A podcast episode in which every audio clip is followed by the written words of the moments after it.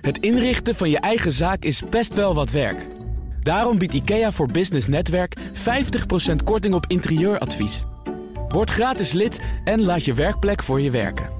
IKEA, een wereld aan ideeën. Dat en meer in het boardroompanel van vandaag, bestaande uit Hugo Reumkes, partner en advocaat bij Van Doornen en voorzitter van de Raad van Toezicht van de Tilburg University. En Steven Schuit, hoogleraar Corporate Governance aan de Nijrode Business Universiteit. Ook verbonden aan die universiteit is mijn zakenpartner Annemieke Robeeks, is daar hoogleraar transformatiemanagement. En um, ook nu voorzitter van de Social Finance NL. Welkom, dames en heren. De heren van een afstandje, hebben wij contact? Jazeker. Dag Thomas. Laten we beginnen met, uh, denk ik, het nieuws van vandaag. Dat is dat er uh, wel een beursnotering in Amsterdam blijft, een kantoor in Rotterdam. Maar Unilever wordt op papier toch echt een Brits bedrijf. Het concern gaf jaren geleden al aan dat het de structuur wilde versimpelen. Een verhuizing van het hoofdkantoor naar Rotterdam werd onder druk van de aandeelhouders afgeblazen. Dat hebben we allemaal tot in de treuren kunnen volgen. En dan nu het besluit waarvan uh, minister Wiebes van Economische Zaken eerder vandaag al zei: Het verbaast me niet, het hing al een beetje boven de markt. Steven Schuit, wat is jouw eerste reactie? Heel jammer. De center of gravity, om het zo te noemen, verdwijnt uit Nederland. En dat betekent dat alle belangrijke beslissingen, strategische, maar ook operationele beslissingen over het complete concern, natuurlijk vanuit Londen verder genomen worden. En daar kan je lang en breed over praten, maar zo gaat het gebeuren en zo zitten de Engelsen ook in elkaar. Die zagen helemaal niet zitten om naar Rotterdam te moeten met het uh, Britse uh, gedeelte van het hoofdkantoor. En het feit dat ze nu beide kantoren Rotterdam en Londen in elkaar klappen, dat is uit zakelijke overweging zeer uh, wenselijk. Begrijp ik ook. Er zit nog een, ook een technisch element in dat de Britse aandelen van Unilever, PLC, die blijven niet in de uh, uh, FT uh, Fortune 500. FT 500, sorry. als het een Nederlandse topholding zou worden. Ja, daar dus, gaat het eigenlijk om, toch? Het gaat om die notering, de FTSE in Londen. Ja, dat speelt er kennelijk is, waarschijnlijk een grotere rol dan die dividendbelasting. Althans, onze economiecommentator heeft met de topman van Unilever gesproken. En die zegt, een paar jaar na dato, die dividendbelasting, dat is wel een discussiepunt geweest, maar dat is bepaald niet van doorslaggevende betekenis. Is dat dan, nee. als je daar nu zo over praat, niet heel erg veel heisa geweest dan? Ja, het is dat technische punt van die beursnotering. dat, ja, dat is typisch iets wat de Engelsen binnen de EU eigenlijk onrechtmatig vasthielden. Want alleen Engelse bedrijven mogen in die FT 500. Um, en uh, Unilever uh, zou, als het in Nederland de topholding zou zijn, zou niet meer een Engels bedrijf zijn. Dus dan zouden ze uit die FT 500 worden gegooid. En dat is voor beleggers in Engeland een groot nadeel. Dat begrijp ik wel, want dat is een zeer liquide uh, markt. de meest liquide markt in, in, in, in Londen. En ik denk dat uh, ja, daarmee eigenlijk gegeven al was al, al twee jaar geleden dat deze beslissing op een gegeven moment zou vallen. Mm. Maar, maar Steven, toch nog even terug naar het eerdere deel van je antwoord, namelijk dat de strategische zaken nu vanuit Londen worden besloten. Nou, dat, dat kun je dan zeggen. Ja, ik als leek zou dan zeggen, ja, goh, nou, dat hoeft geen ramp te zijn.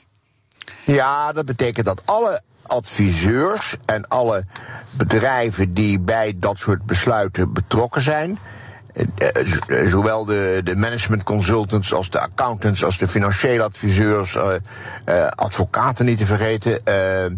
die worden natuurlijk allemaal dan nu voortaan in Londen gerecruiteerd en niet meer in Nederland. En wat denk je dan als je kijkt naar de impact? Hè? Als je zegt van ja, wat in, in Nederland overblijft, zijn we gewoon niet meer dan operational division. Ja. Um, en want dat is natuurlijk eigenlijk wat dan uh, nu op tafel ligt. Ik wil dat even aan Hugo vragen. Wat denk jij oh, dat er van, van de Nederlandse afdeling Unilever overblijft? Nou ja, Thomas, uh, Johan Cruijff heeft weer gelijk gekregen. Als je niet scoort, dan gaat de, gaat de andere ermee vandoor. En dat is hier natuurlijk ook het geval. Nederland heeft de kans twee jaar geleden gehad. Uh, en natuurlijk spelen er allerlei overwegingen mee als de notering in, in Londen. Maar daar had natuurlijk een mooie kans gelegen om in het verlengde van de strategie van Van Paul Polman veel meer het, uh, het Rijnlandse model te omarmen door de Nederlandse structuur te kiezen. En nu zie je dat uh, voor Engeland wordt gekozen en het Anglo-Saxisch systeem uh, volop wordt doorgevoerd binnen Unilever. Maar wat had Nederland ervoor kunnen doen om die beslissing in het voordeel van Nederland te kunnen laten kantelen? Want als die beursnotering belangrijk is, ja, dan pas je daar niet zomaar een mouw aan. Nee, dat is waar. En ik denk dat het kabinet er alles aan heeft gedaan om dat te voorkomen. het was natuurlijk interessant geweest als we nu met de coronacrisis en het pleidooi voor het Rijnlandse model. Misschien als het iets langer had geduurd, dat uh, ook de beleggers daar mee waren gegaan. Maar dat, dat is helaas niet het geval. Ja, het zit nu in, uh, in Engeland en, en Steven heeft daar volkomen gelijk. Ja, dat, uh, dat, dat betekent veel toch ook voor de Nederlandse economie. En niet alleen de dividendbelasting. Maar ook de hele infrastructuur uh, die eromheen zit. Die ja, de dividend, dividendbelasting komt neer, heb ik begrepen van de minister, op het verlies van een paar miljoen. Dat is misschien nog uh, overkomelijk. Ja. Uh, ja. maar, maar, maar, Steven, er wordt dan toch ook, want zo gaat dat neem ik aan op zo'n moment, gezegd wat er allemaal wel is binnengehaald aan garanties. Aan het feit dat er als er een zelfstandige afdeling van Unilever zou komen op bepaalde terreinen, dat dat dan een Nederlandse beursnotering oplevert aan research en development. moet je dat dan toch zien als winst of is dit meteen gepresenteerd als doekje voor het bloeden? Ja, dat, kijk, dat zijn garanties die Unilever aan zichzelf geeft, want wie kan dat afdwingen? Uh, dus uh, nou, het, kabinet zou, Unilever... het kabinet zou toch kunnen zeggen: we begrijpen jullie besluit, maar uh, wij zouden graag zien dat daar iets tegenover staat en laten we dat op papier zetten. Ja, maar wat kan je daarmee? Het kabinet is geen wederpartij van Unilever. Nee, Unilever de aandeelhouders zijn de enige partij. En die aandeelhouders uh, zijn in Engeland dominant. Precies. Er zijn een paar grote fondsen, waaronder een heel groot pensioenfonds. Die blijkbaar uh, duidelijk uh, geen zin hebben in een Nederlandse topnotering. en, en, en, en daar kunnen allerlei redenen achter liggen. Daar kan ook achter liggen toch een, een onverholen weerstand tegen dat, kleine, dat kleine Holland. Mm. wat die, Britten, die Britten voor de voeten loopt. Maar ik ben het niet met Hugo eens dat oh. het eigenlijk twee jaar geleden al uh, min of meer uh, een, uh, een, klare zaak was dat Unilever naar Nederland zou komen als die dividendbelasting maar was. Was, nee, dat zeg ik ook niet. dat zeg ik ook niet. Nee, dat zeg ik ook nee, niet. Maar het gaat er wel om dat, dat, dat het toen.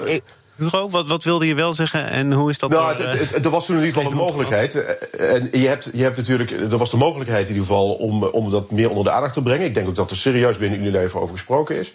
Maar op dit moment uh, zijn, zijn, zijn alle seinen richting, richting Londen. Wat wel interessant is, en dat was denk ik een grote teleurstelling uh, toen Unilever uh, zelf onderwerp van, van een mogelijke biedingsstrijd kon worden ja, dat, dat de Nederlandse structuur daar toch onvoldoende bescherming bood. En, en dat men daar erg teleurgesteld over was. En uh, ja, dat allemaal bij elkaar. Dat dat Rijnlandse model dan toch ook veel minder goed valt in, uh, in Engeland. In het internationale zaken doen dan het anglo-saxische systeem. Ah, Annemiek, ik had, al, ik had al voorspeld dat het druk zou worden in dit boardroom panel. En gelukkig maar. Annemiek, wat wil jij Ja, ik wilde nog inbrengen. Vorig jaar had ik op Nijrode een groep van uh, mensen van Unilever ook in mijn programma. En die werkte voor een deel ook op het lab. En dat lab dat van Unilever, dat is van Voorburg naar Wageningen naar de Food Valley verhuisd afgelopen jaar. Helemaal ja. spik en span ja. en heel groot. Denken jullie dat ze dat ook ja. gedaan hebben om toch die Europese subsidies voor RD te behouden? Steven. Ja, dat zou me niks verbazen. Ja, dat dacht ik ook dat later. Zou, dat zou ik ook eigenlijk gerechtvaardigd vinden. Ja. Want uh, als die uh, research in de EU plaatsvindt. Mm. Uh, dan zijn alle EU-regels daarop van toepassing. En, en waarom zou Unilever met een hoofdkantoor buiten de EU daar uh, geen gebruik van kunnen maken. Uh, ik denk dat dat prima is. Maar het is ook voor uh, Nederland, denk ik, goed hè, dat we deel juist dan van ja, de kennisvalley zijn. Absoluut. En misschien dan geen notering, maar wel uh, de kennis. En het is een internationaal zeer hoogstaand lab. Hugo, ja. ik, wil, ik wil met jou wel nemen nog even terug naar een punt dat we net uh, bespraken. Namelijk die garanties, die afspraken die zijn gemaakt of zouden zijn gemaakt tussen Unilever en het kabinet. Uh, Steven en ook Annemiek zegt eigenlijk, ja, je kunt van alles op papier zetten, maar uh, je hebt geen harde afspraken. Het kabinet is geen tegenpartij voor Unilever. Wat, wat kun je nou wel met elkaar afspreken waar je dan toch ook nog enigszins aan verbonden bent? Nou, ja, het blijft lastig. Uh, je, je, hebt niet veel, veel leverage in die onderhandelingen. Anders dan dat je probeert om uh, dingen als werkgelegenheid en andere zaken uh, te faciliteren. maar garanties afdwingen, dat is er niet bij. Het is een vrije markteconomie. En Unilever heeft een zelfstandige keuze wat ze daarmee doen. Kijk, waar, waar het wel speelt is bij eventuele conflicten die bij de ondernemerskamer moeten worden uitgevochten. Uh, als Unilever nou binnenkort zijn strategie gaat wijzigen en Nederland daar uh, duidelijk een, een zwakkere uh, positie krijgt toebedeeld, dan zou de, ondernemers, de ondernemingsraad, uh, vergelijk het even met hoogovers, die zou daar tegen kunnen in, op, in, in, in, opstand kunnen komen en zich bij de ondernemerskamer kunnen beklagen over het feit dat Unilever toezeggingen heeft geschonden. En bij de ondernemerskamer geldt wel degelijk dat je dan uh, met goede argumenten als Unilever moet komen waarom je de oorspronkelijke toezegging niet langer na wil leven. Dat kunnen ze dus doen. Is dat een breed begrip? Goede argumenten? Dus ook de ruimte. Goede argumenten, kan, kan, ik daar van alles onder verstaan of niet? Of is, is dat uh, meer dan een uh, papieren ja, dus dat wil zeggen, je kan niet uh, willekeurig zeggen... nou ja, het kan ons beter uit om dat lab nu maar eens te verhuizen... van Wageningen naar Cambridge. Want, want gewoon, dat, dat past ons beter. daar moet je gewoon dan wel degelijk een fundament onder leggen. En dat zal ze ook wel lukken ook. Maar de ondernemerskamer wil nog wel belang hechten aan, aan dat soort toezeggingen die gedaan zijn. Uh, dat is juist de reden waarom... Hugo, niks mee. Hugo? Dat is, dat is juist de reden waarom, waarom Unilever daar natuurlijk van denkt... ja, dat willen we niet hebben. Hè? Die, die rare ondernemerskamer met, met die, die allerlei andere belanghebbenden... dan de aandeelhouder de ruimte geeft om iets te vinden van onze strategie. Uh, wij willen dat gewoon in een anglo-saxische structuur... waarbij de aandeelhouder dit goed vindt. En je ziet het aan de koers. De aandeelhouders zijn hier zeer tevreden over. Dus de koers die stijgt. Ja. Annemiek? Ja, ik denk dat het kortzichtig is om alleen maar vanuit de uh, shareholder capitalism deze deal uh, te bekijken. Uh, korte, ter, heel korte termijn. Unilever heeft altijd een keurige lange termijn koers gevaren. En ik hoop dat we juist vanuit de, zeg maar, de divisie Nederland die overblijft en een heel sterk lab, wat ook heel goed door Europese onderzoekers bevolkt wordt, dat we daarmee toch misschien een nieuwe toekomst ook buiten Unilever kunnen vinden. Over die lange termijn en over maatschappelijk verantwoord ondernemen praat ik graag verder met het Boardroom Panel. Zaken doen. Thomas van Zeil. En in dat boardroompanel zitten vandaag Hugo Reumkes, partner en advocaat bij Van Doornen en voorzitter van de Raad van Toezicht van de Tilburg University. Steven Schuit, hoogleraar Corporate Governance aan de Nijrode Business Universiteit. En mijn zakenpartner van vandaag, Annemieke Robeek, ook verbonden aan de Nijrode Business Universiteit. En voorzitter van Social Finance NL. En als ik het heb over maatschappelijk verantwoord ondernemen, de lange termijn, dan gaat het deze dagen al heel snel over het protest tegen racisme. En over de vraag hoe bedrijven zich moeten uitspreken. Misschien moet ik de vraag anders stellen: moeten bedrijven zich wel willen uitspreken, Hugo, over dit thema? Ja, ik denk dat, dat dat zeker zo is. Diversiteit op de werkvloer is een belangrijk thema. We hebben in Nederland dat heel lang maar gekoppeld alleen aan een man-vrouw verhouding. En allerlei discussies over voert, ook in dit panel hier. Mhm. En deze, deze protestbeweging laat zien dat die discussie in een veel bredere context moet worden geplaatst. En dat is heel goed. Uh, maar, wat, wat, betekent eh, dat? Want je kunt inderdaad heel makkelijk zeggen... nou, wij zijn tegen racisme, tegen discriminatie... daar moet iets aan veranderen. Er zijn misschien wat minder bedrijven die dat koppelen aan hun eigen organisatie... en zeggen, oké, dan gaan wij ook naar 30% uh, eh, minderheden in ons bestand... of naar meer vrouwen of naar meer mensen met een Latino-achtergrond. Noem maar op welke achtergrond je uh, extra aandacht wil schenken. Is, is dat niet een belangrijke tweede stap die nu nog vaak ontbreekt, Annemiek? Ja, ik denk dat dat de spijker op zijn kop is, Thomas. Ik denk dat juist hier ook commissarissen commissarissen een hele belangrijke rol hebben, omdat die toch heel vaak ook met opvolgingen zitten, maar ook met het talent kijken in de onderneming. En dat executive search bedrijven een hele belangrijke rol krijgen om dat veel meer de talenten als een afspiegeling van de maatschappij te zien en daarop eerlijker ook op te assessen. Maar je afkomst is toch niet per se je talent? Nee, maar het is wel zo dat je afkomst een hele negatieve uh, invloed kan hebben op het doorstromen in organisaties. Maar vertel eens wat er moet veranderen dan. Nou ja, ik denk dat dit, uh, dat, dat uh, als wij dit nieuwe bewustzijn wat nu toch wel duidelijk in de, uh, in de boardrooms uh, binnenkomt, hè, ook bij monden van de CEO's, dat het ertoe gaat leiden dat we echt veel meer en veel sneller diversiteit, uh, niet alleen in de top, maar ook in de subtops krijgen. En dat er een ander talentbeleid gevoerd mm. moet worden. Nou, dat, ik, ik moest dat denken. Is al, dat is al gaande, hè? Dat, ja? dat is al gaande. Ik zei versnellen het, en versterken. Het, het, moet, het moet absoluut versneld worden. En ik, ik deel in, ik ben het helemaal eens met Annemiek. Uh, maar je, je vindt bijvoorbeeld bij PwC, daar zie ik het gewoon gebeuren. Uh, zie je duidelijk een inzet om, als het even kan, op alle niveaus. Uh, mensen met een andere mm -hmm. etnische achtergrond naar binnen te krijgen. Dat is lastig, want die zijn niet altijd voldoende getraind, geschoold en hebben niet altijd de ervaring die nodig is voor die functies. Maar net als met de vrouwen die nu naar de top worden getild, en oh, goddank. Uh, Wel op eigen kracht vaak, hè? Ja, het is, het, het is een kwestie van duwen en trekken. Maar het moet gebeuren. Maar Steven, we kunnen het erover hebben. Maar dan denk ik eventjes aan, aan misschien wel uh, gezegd mensen zoals jij. Uh, jij moet dan plaatsmaken bijvoorbeeld, hè? Ja, ja, dat lijkt me uitstekend. Ik denk dat dat... nou, Hugo er ook nog even bij. nee, maar kijk Thomas, ik denk dat je uh, het zo moet bekijken. Je, we moeten, uh, zodra er vacatures zijn, we onmiddellijk kijken of we op de een of andere manier daar mensen met een andere etnische achtergrond binnen kunnen krijgen. Dat hebben we met vrouwen ook gedaan. En het argument was altijd: er zijn geen vrouwen met de voldoende ervaring en kennis. Wel, het blijkt achteraf uh, best mee te vallen. Nee, je moet anders en, kijken en je moet anders assessen. En dat is bijvoorbeeld wat we uh, in verschillende bedrijven waar ik commissaris uh, ben geweest, wat we echt grootschaliger zijn gaan doen. Niet in de kleine kringetjes van de bekende ja. mannen kijken, maar veel breder. En ook andere netwerken van netwerken gebruiken. En ook andere ja. adviseurs een keer proberen maar, maar toe te laten. Mannen zoals Hugo en Steven hebben toch duidelijk bewezen kwaliteiten, hebben veel ervaring. Sure. Ja, en, maar, maar, anderen hebben dat ook. Ja, Oké, okay. en wat moet er. Nou, precies, maar dan zeg je dus tegen Hugo en Steven: uh, jullie tijd is geweest. Nee, het is, het is time nee. to share. En ik denk dat het juist ja. diversiteit, en dat is heel lastig voor de mensen die er nu zitten.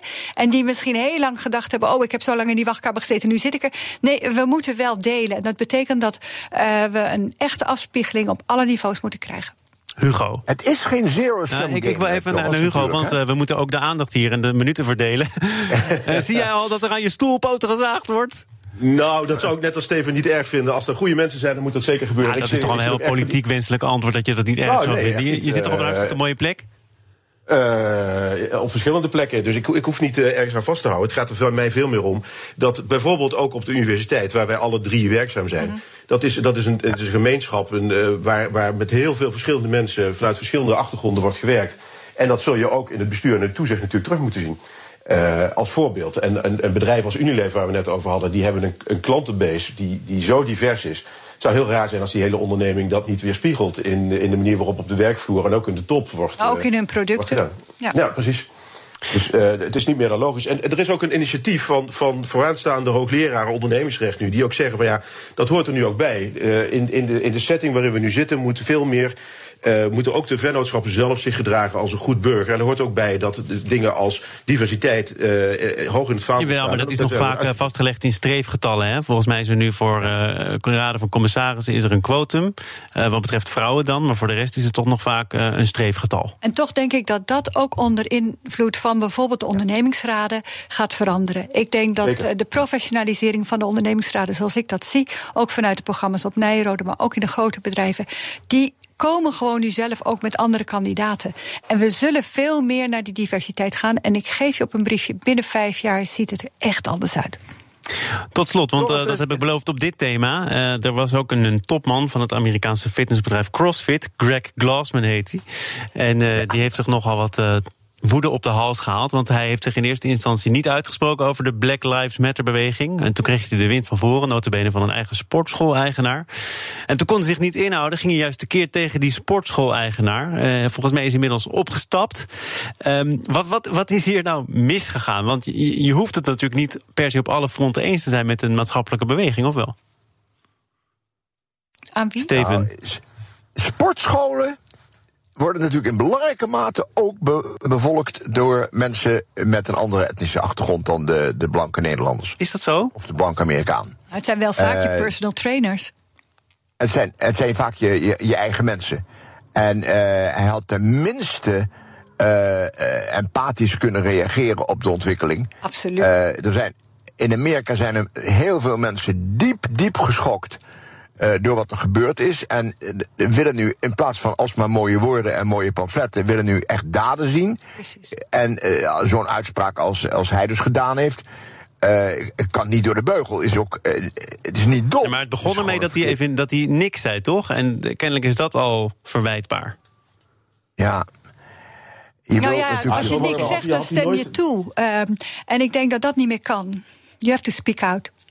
Hugo? Ja. Nou, kijk, hij had, hij had nooit het nieuws gehaald op, op deze manier als hij zich stil had gehouden. Het zit hem vooral in die tweede ja. reactie die, die ja. echt fout is geweest. En uh, je kunt over dat eerste kun je nog wel discussiëren, maar als je, als je zo uit de bocht vliegt, dan kun je ook niet anders dan opstappen. Ja. Ik wil, uh, en er is nog weinig tijd voor, maar ik vind het wel interessant, nog naar een interview dat uh, Peer Swinkels heeft gegeven, de topman van Swinkels, de brouwerij die ja. bekend is van Bavaria, van Swinkels zelf. Ja. Hij maakt zich in het FD nogal kwaad over uh, Nederlandse bedrijven die niet eerlijk belasting betalen, gebruik maken van fiscale sluiproutes, ook in verhouding tot familiebedrijven, waarvan hij zegt 53% van het BBP in Nederland is afkomstig van familiebedrijven in dit land en die betalen alle belastingen, terwijl Nederland ook faciliteert dat er fiscale regelgeving is dat buitenlandse multinationals hier heel goedkoop zaken kunnen doen en business kunnen opbouwen. Dat verwijt is al vaker gemaakt, maar het komt nu van iemand die dat relateert aan zijn eigen familiebedrijf. Heeft Piers Winkels een punt? Absoluut. Vind ik. Uh, hij, die, buitenlandse bedrijven die hier gefaciliteerd worden, hebben vaak niet anders dan een paar brievenbus en en, en een administrateur. En uh, die, uh, ja, daar verdient Nederland een, een, een, een, zeg maar even een stuivertje, een paar stuivers aan. Maar het creëert een gevoel van ongelijkheid en oneerlijkheid, wat wij vanaf moeten. En wat ik ook zo mooi vind van, uh, van uh, Swinkels, is dat hij echt als eigenlijk de, de nieuwe generatie uh, ja. ondernemer, dat hij echt ja. die moraliteit aanpakt. Ik vind dat ongelooflijk knap. En dat hij dat ook durft, maar dat hij er ook voor staat. Ik denk dat dat echt heel krachtig is wat hij doet. Maar Hugo, is er vanuit de politiek, verschillende partijen, maar toch ook de staatssecretaris niet alles gezegd? We moeten inderdaad af willen van dat predicaat van een belastingparadijs. Het is hier allemaal niet te legitimeren. We moeten daar ook wat aan doen. Dus heeft hij niet ook uh, politiek gezien dan een beetje de tij al mee? Nou, ik denk zelfs dat hij uh, voorop loopt. Want de multinationals hebben hier een voorsprong op de wetgevers. En wat hij doet is een moreel appel. Ja. Waarin hij eigenlijk zegt wat juridisch kan is prima. Maar moreel is dit gewoon wat ik verwerpelijk vind. En ik ben het eens met Annemieke dat hij als, als aankomend talent in, in, een, in, een, grote familieonderneming. die internationaal ook echt actief is. Mm -hmm. Uh, laat zien dat hij dat, uh, dat morele veel belangrijker vindt dan wat juridisch uh, tot de mogelijkheid. Ja, en hoe sterk is een moreel appel? Want uiteindelijk kun je natuurlijk dan wel in alle hoeken en gaten van de wet kijken wat er, wat er al kan. En heb je misschien uiteindelijk, als je de rekening moet opmaken, niet zo heel veel te maken met moraliteit. Ik heb de indruk dat dat bij Swinkels wel goed geregeld is. Nee, bij Swinkels, maar hij roept niet zichzelf op, want zelf voldoet hij aan, keurig aan alle regels. Hij roept andere bedrijven op om dat ook te doen. Ja, en dat is weer een volgende. En je zult zien dat dat, dat moreel, ja, precies. Wat, wat Steven zegt, het morele appel zal hier. Zich in een politiek ja. appel. Ja, dat denk ik ook. En ja. hij is een, hele, een heel bepalend gezicht hier nu voor. Ja. Uh, jong, ja. ondernemend. Hij heeft uh, eigenlijk alle grote internationale instellingen achter zich. Denk aan alles wat vanuit Europa gekomen is, de OESO gekomen is. Ja hoor, ik sta achter Peer. Volgens mij staan jullie allemaal achter Peer. Dus deze man kan vanavond met een gerust hart naar bed. Top dank. Uh, en jullie allemaal. Want of jullie nou op de positie blijven waar je nu zit. of dat er iemand anders in de plaats komt. Als het een talent is, dan is het al heel snel goed. Dat heb ik onthouden. Hugo Reumkes, partner en advocaat bij Van Doornen. en voorzitter van de Raad van Toezicht van de Tilburg University. Steven Schuit, hoogleraar Corporate Governance aan de Nijrode Business Universiteit. En mijn zakenpartner is uh, de afgelopen twee uur geweest. Annemieke Robeek, hoogleraar Organisatiestrategie en Transformatiemanagement aan de Nijrode Business Universiteit. Voorzitter van Social Finance NL. Dank dat je er was. Tot snel, tot de volgende keer. Mijn volgende keer is morgen. Dan gaat het over de netbeheerder Tenet. Dat is nu nog 100% in handen van de Nederlandse staat. Maar er wordt onderhandeld over een Duits minderheidsbelang. De bestuursvoorzitter Manon van Beek is morgen te gast in dit programma. Dat morgen. Zometeen eerst Nieuwsroom, de dagelijkse podcast van het FD en BNR. Gepresenteerd door Mark Beekhuis. Veel plezier. Tot morgen. Een kleine update maakt een wereld van verschil. Daarom biedt IKEA voor Business Netwerk gratis snelle interieurtips en ideeën. Word gratis lid en laat je werkplek voor je werken. IKEA, een wereld aan ideeën.